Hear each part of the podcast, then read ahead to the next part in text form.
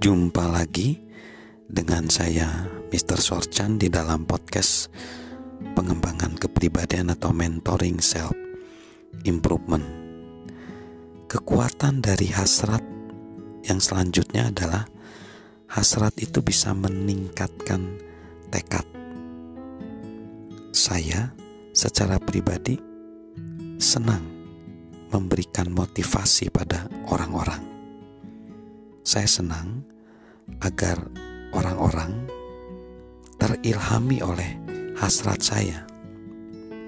Tapi sekarang saya berpikir, saya coba alihkan fokus dari saya ke orang lain, membantu orang lain menemukan hasrat mereka.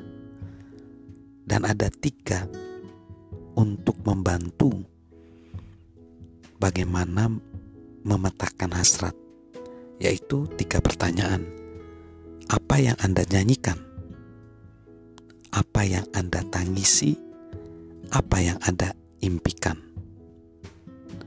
Dua pertanyaan yang pertama itu menanyakan hal yang menyentuh sanubari kita. Apa yang kita nyanyikan maksudnya kita seneng gitu. Kita suka cita. Yang kita tangisi apa yang membuat kita sedih, ternyuh Sedangkan apa yang kita impikan adalah membawa kepuasan kita di masa depan. Jawaban dari pertanyaan ini membantu orang untuk menemukan hasrat, hasrat yang sejati dari mereka. Meski tiap orang bisa memiliki hasrat, tidak semua orang meluangkan waktu untuk menemukan hasratnya.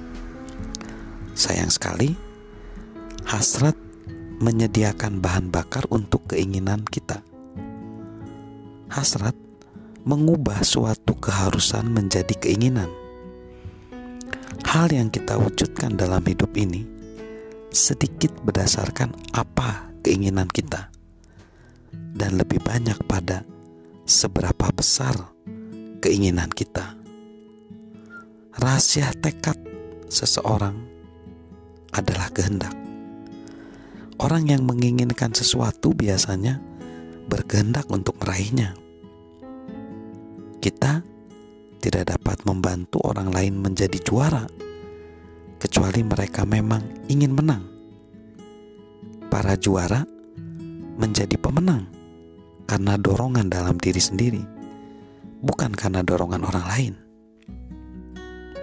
Jadi hasrat itu dapat memberikan tekad. Lalu, seperti yang dikemukakan tadi, hasrat itu memberikan atau menghasilkan energi. Saat mempunyai hasrat, kita jadi berdaya. Kita tidak perlu bersusah payah. Energi itu muncul secara alami dalam diri kita. Energi membantu kita menikmati perjalanan sekaligus mencapai tujuan kita. Tanpa energi, meraih prestasi bagaikan menumpuh perjalanan yang sulit dan panjang.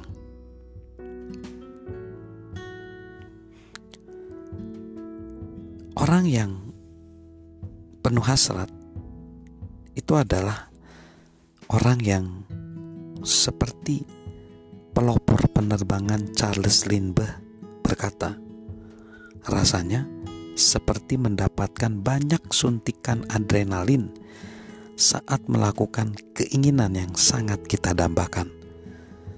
Anda nyaris merasa terbang tanpa pesawat. Ada orang yang berkata mereka kurang bersemangat.